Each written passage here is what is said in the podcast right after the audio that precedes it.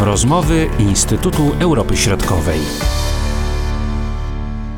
Rozpoczynamy kolejną rozmowę w naszych rozmowach Instytutu Europy Środkowej. Przed mikrofonami Marcin Superczyński i dzisiaj także przed mikrofonami dr Jan Muś. Witam Cię, Janku.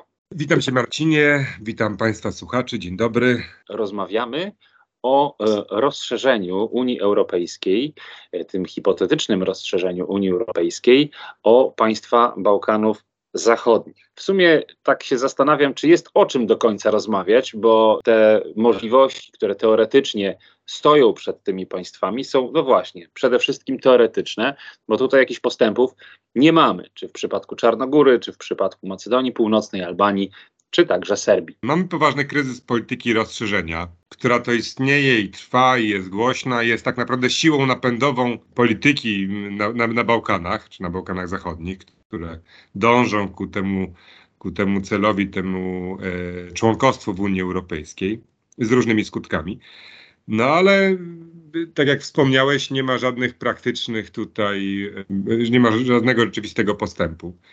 Znaczy te państwa zmieniają trochę swój status, rozpoczynają te negocjacje, kończą pewne rozdziały, ale tak naprawdę no ta perspektywa rozszerzenia, perspektywa członkostwa w Unii Europejskiej jest bardzo daleko. I ja tutaj widzę no, bardzo poważny problem, ponieważ to członkostwo w Unii Europejskiej zaczyna być takim ut ut utopijnym celem, który nigdy nie zostanie ziszczony i, i społeczeństwa powoli y, w regionie tracą wiarę w tą Unię Europejską i tracą wiarę w to, że ich państwa kiedyś staną się członkami Unii Europejskiej. No i stanowi to poważny problem, ponieważ jakby większa część y, społeczeństw się zgadza z tym, że ich państwa powinny być w Unii Europejskiej, że to jest świetny pomysł integracja europejska, że jakby nie ma z tym zasadniczego problemu, ale nie wierzą, że kiedykolwiek ich państwo wejdzie do Unii Europejskiej. Co oznacza, że, że, że Unia y, Europejska traci swój soft power. I teraz na czym polega problem? Państwa blokujące rozszerzenie Unii Europejskiej, to państwa Bałkanów Zachodnich, ale także Ukrainę, bo to, to, to jest Mm, porównywalny przypadek, chociaż dużo większe państwo, to tutaj problemy okresu tranzycji i transformacji są, są, są gdzieś tutaj porównywalne. Podają różne przykłady związane z, z, z praworządnością, z walką z korupcją, z tym, z tamtym, z owamtym. Wszystko to są, wszystko to są istotne problemy oczywiście, aczkolwiek nie, nie są to problemy obce także państwom członkowskim Unii Europejskiej, także starym państwom członkowskim Unii Europejskiej. To chodzi przede wszystkim o pieniądze? Ja nie sądzę właśnie, że chodzi o to. Znaczy, chodzi o pieniądze w tym sensie, że cała debata wokół polityki rozszerzenia e, zwodzić teraz ku temu, czy oferować więcej funduszy, więcej pieniędzy, więcej materialnych tutaj środków i dóbr, bez względu na to, jak szybko posuwają się reformy, do, posuwają się do przodu reformy w poszczególnych państwach bałkańskich, czy jednak kłaść nacisk na to, co się dzieje w polityce wewnętrznej państw bałkańskich. Czy one wprowadzają te reformy w obszarze gospodarki, w, w obszarze funkcjonowania instytucji państwowych, czy nie. I Odpowiedź na to pytanie nie jest taka jednoznaczna i oczywista i prosta. Tutaj środowisko jest bardzo podzielone, ponieważ patrząc na strukturę gospodarczą, na to w jaki sposób są zorientowane te państwa gospodarcze, to można i uznać, że one są jakby już no, zintegrowane z Unią Europejską, tylko na bardzo nierównych zasadach. To znaczy państwa te muszą uczestniczyć w rynku europejskim, natomiast nie czerpią tak naprawdę benefitów gospodarczych z bycia w Unii Europejskiej. Nie mówiąc już o polityce, gdzie politycznie, instytucjonalnie no, są jakby poza e, instytucjami europejskimi i nie mają żadnego praktycznie wpływu na to, w jaki sposób się polityka w Unii Europejskiej kształtuje. To znaczy muszą one uczestniczyć w Unii Europejskiej, w procesie, w dynamice gospodarczej, natomiast w żaden sposób nie mają wpływu na to, co się dzieje. Jeśli nastąpi ten proces zniechęcenia taki duży, czy jest możliwość wobec tego, że te społeczeństwa zwrócą się w inną stronę? Jak to oceniasz? Jak na razie nie ma żadnej alternatywy dla, dla, dla Unii, żadnej realnej alternatywy dla Unii Europejskiej, poza jakimiś tam oszołomami tu i tam, którzy mówią tu o, o tym ruskim mirze na przykład, ale to są to są, to są e, realnie bardzo, bardzo no, nieliczne jednostki, stosunkowo nieliczne, jeżeli chodzi o, o, scenę polityczną. I tutaj mamy ten poważny problem, ponieważ silna integracja Bałkanów z Unią Europejską powoduje, że tak naprawdę nie stanowiłoby problemu na jeszcze silniejszą integrację gospodarczą Bałkanów z Unią Europejską, tak żeby społeczeństwa bałkańskie mogły odczuwać więcej benefitów, więcej tych wszystkich dobrodziejstw materialnych, które niesie ze sobą integracja europejska. Z tym, że ta część polityczno-instytucjonalna musiałaby pozostać jakby poza, poza tak, tak szybkim nurtem integracji. Bo ja rozumiem prezydenta Francji, kanclerza Niemiec, którzy sceptycznie odnoszą się do procesu rozszerzenia, do członkostwa na przykład Serbii czy Bośni w Unii Europejskiej, ponieważ no, nikt nie chce mieć tak naprawdę do czynienia na forum Rady Unii Europejskiej czy na innym forum instytucji europejskich z Miloradem Dodikiem czy z innymi przedstawicielami elit politycznych w regionie. Bardzo ogólnie są na, na stoją na niskim poziomie moralnym, etycznym, ale także kompetencji zawodowych, jeżeli chodzi o wprowadzenie w życie polityk czy, czy, czy, czy tworzenie nowych polityk. Także ta część gospodarcza mogła być przed częścią instytucjonalno-polityczną. Przemawia zatem fakt, że, że, że przykład y, Macedonii Północnej, gdzie jej premier ówczesny Zaew dogadał się z Albańczykami, którzy żyją w Macedonii, co nie jest takim ze względu na te, na te tarcia etnopolityczne częste i silne wpływy nacjonalistycznej tej partii Wymere Dypymene nie było takie proste ani oczywiste. Dogadał się z Grekami, co do nazwy państwa, zmienił nazwę państwa, dogadał się z Bułgarami na początku co do relacji bułgarsko-macedońskich, czyli rozwiązał najważniejsze problemy, jakie Macedonię trapiły od 20 lat. Kosztowało go to dużo kapitału politycznego. Potem się okazało, że guzik z tego wyszło. To znaczy on cały ten swój kapitał polityczny wykorzystał na rozwiązywanie kluczowych naprawdę problemów e, regionalnych i Unia Europejska nie kiwnęła palcem tutaj, żeby, mu, żeby, żeby otworzyć wtedy, wówczas e, rozpocząć negocjacje e, akcesyjne Macedonii z, z, no z Unią. Byłoby naiwnym oczekiwać, że poza buńczycznymi deklaracjami o potrzebie integracji, o tym, że Europa nie może bez Bałkanów, ani Bałkany bez Unii, że któryś z przywódców będzie dokonywał jakichś kroków, które są kosztowne politycznie, a których nagro nagroda za które jest co najmniej niepewna, jeżeli nie odległa. Bo możemy przyjąć, że prezydent Vucic dogaduje się z Albinem Kurtim co do kwestii Kosowo. Serbia i w przededniu, w grudniu właśnie tutaj przed, przed, przed, przed spotkaniem e, Rady Europejskiej dogadują się, przynoszą piękny papier, tutaj porozumieli się, nie co do wszystkiego, ale jest jakby znaczący krok który bardzo ich kosztował sporo w ich elektoracie i guzik za to dostają. W związku z tym nikt tego, nikt tego nie zrobi. To znaczy przywódcy bałkańscy nauczyli się, że, że tak jak na forum Unii Europejskiej, czy w krajach Unii Europejskiej, tak samo i oni muszą traktować rozszerzenie instrumentalnie jako instrument, którym można grać, jeżeli chodzi o budowanie własnego poparcia politycznego w, Unii Europy- w ramach własnego państwa. Można powiedzieć, że taki stan może wobec tego trwać w nieskończoność. Czy zatem możemy się spodziewać jakiegoś impulsu, który w jakiejś odległej raczej przyszłości to zmieni? Czy cały czas będziemy mieli taką zabawę w kotka i myszkę trochę? Przy obecnym, przy obecnym układzie sił, przy obecnym układzie yy, tutaj takim no, politycznym, to wygląda na to, że to jest nieskończona, nieskończone źródło tutaj budowania y, poparcia politycznego dla, polity, dla, dla poszczególnych y, polityków.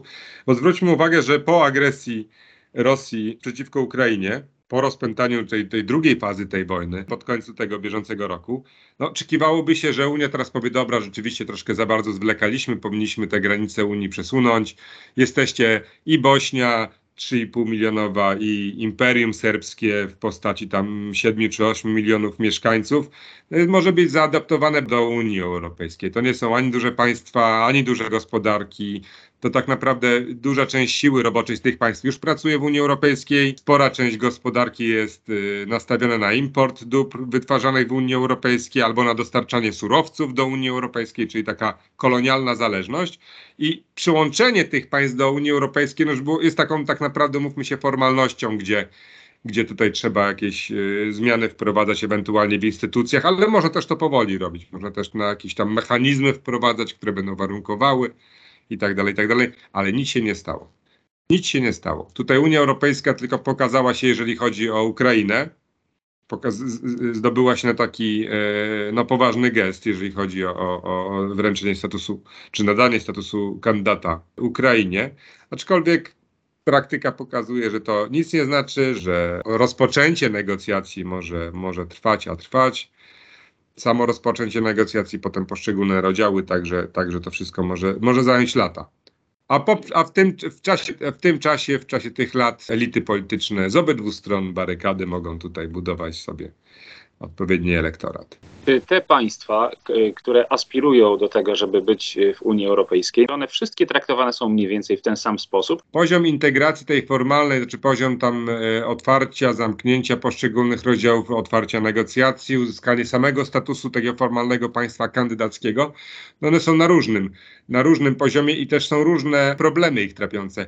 Na nieszczęście wszystkie państwa są traktowane równo, czy porównywalnie, chociaż mierzą się z różnymi problemami. To znaczy, przede wszystkim mówimy tutaj o poziomie tego wewnętrznej dynamiki politycznej w Bośni i Hercegowinie z jednej strony, a z drugiej strony mamy problem Kosowo-Serbia. I to są takie kluczowe problemy, ponieważ trzeci kluczowy problem, jaki się wiązał z Macedonią Północną, został rozwiązany. I tak naprawdę i Czarnogóra, i e, Albania, i Macedonia mogłyby być dużo bliżej Unii Europejskiej, ponieważ już nie mają tych takich fundamentalnych problemów związanych z państwowością, samym istnieniem państwa. One nie mają tych problemów. Tam mamy problem z korupcją, mamy problem z administracją, mamy problemy tam, mamy różne problemy. Aczkolwiek to są państwa małe. Nie trzeba pierestrojki robić, no, ca- ca- całkowitej, która pochłonie nie wiadomo co. Więc w związku z tym, że one są traktowane równo, są ta, tak naprawdę traktowane nierówno. To powiedz jeszcze raz, co jest tą główną barierą, która uniemożliwia rozszerzenie Unii Europejskiej o właśnie te państwa? Zależy od perspektywy.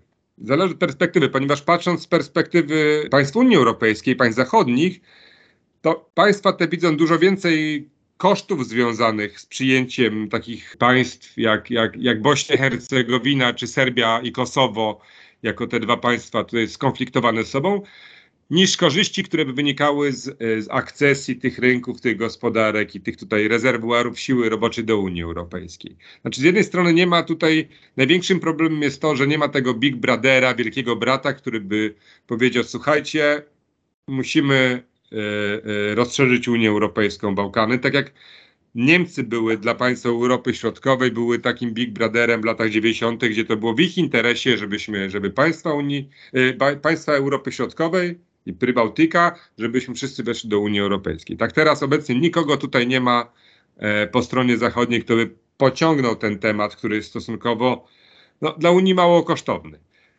A z drugiej strony odgrywa taką świetną rolę takiego, proszę Państwa, jestem prezydentem te- naszego państwa, ja blokuję rozszerzenie Unii Europejskiej o Bałkany, ponieważ ja się martwię o stan praw człowieka w Bośni, w Serbii. Mi leży na sercu naprawdę to, żeby Unia pozostała Unią wartości i dlatego nie przyjmiemy tych małych państewek, ponieważ to zniszczy cały nasz 300-milionowy model tutaj, te, te, te 500 tysięcy mieszkańców w danym kraju po prostu no, rozsadzi Unię od środka. I ja jako mąż stanu, ja się bardzo martwię o, proszę Państwa, o stan Unii, dlatego blokuję właśnie tutaj rozszerzenie Unii o Bałkany. To jest z jednej perspektywy. Z drugiej perspektywy nazwałbym pierwszym problemem takim zasadniczym jest korupcja elit politycznych na Bałkanach, która też tak naprawdę uniemożliwia e, korupcja, nepotyzm, niski poziom e, e, elit politycznych, który uniemożliwia lepszą absorpcję na przykład funduszy europejskich, czy lepsze wykorzystanie tutaj tego, tej bliskości gospodarczej Unii Europejskiej i Bałkanów. Z drugiej strony państwa te są tak małe i tak e, niewielkie są to rynki gospodarcze, że bez jakiejś poważnej akumulacji kapitału nie będą w stanie tak do końca konkurować z Unią Europejską, czy z rynkami tymi rozwiniętymi państw Europy Zachodniej, czy państw nawet Europy Środkowej. No i teraz powstaje pytanie, w jaki sposób tutaj doprowadzić do powstania tych narodowych czempionów w poszczególnych państwach, tak jak miało to miejsce w, Pol- y, w Niemczech w latach 50., czy, czy, czy na przykład w Korei Południowej w latach 70., czy, czy w latach 2000 w Polsce, gdzie mieliśmy kilka tych przedsiębiorstw, które no udało się im wejść na rynki e, międzynarodowe, czy niektóre branże, które dominują tutaj na rynkach europejskich, e, m, czy niektóre branże m, polskiej gospodarki, które dominują na rynkach europejskich. Więc, więc tutaj mamy mm, ze strony jakby państw bałkańskich mamy problem z jednej strony elit politycznych, a z drugiej strony małych, e, e, małych gospodarek, nazwijmy to w ten sposób. Także istnieje, istnieje wiele problemów w zależności Marcinie od perspektywy, jaką, jaką przyjmiemy. Bardzo Ci dziękuję, Janku. Dziękuję również Do Marcinie. usłyszenia. Do usłyszenia. Były to rozmowy Instytutu Europy Środkowej.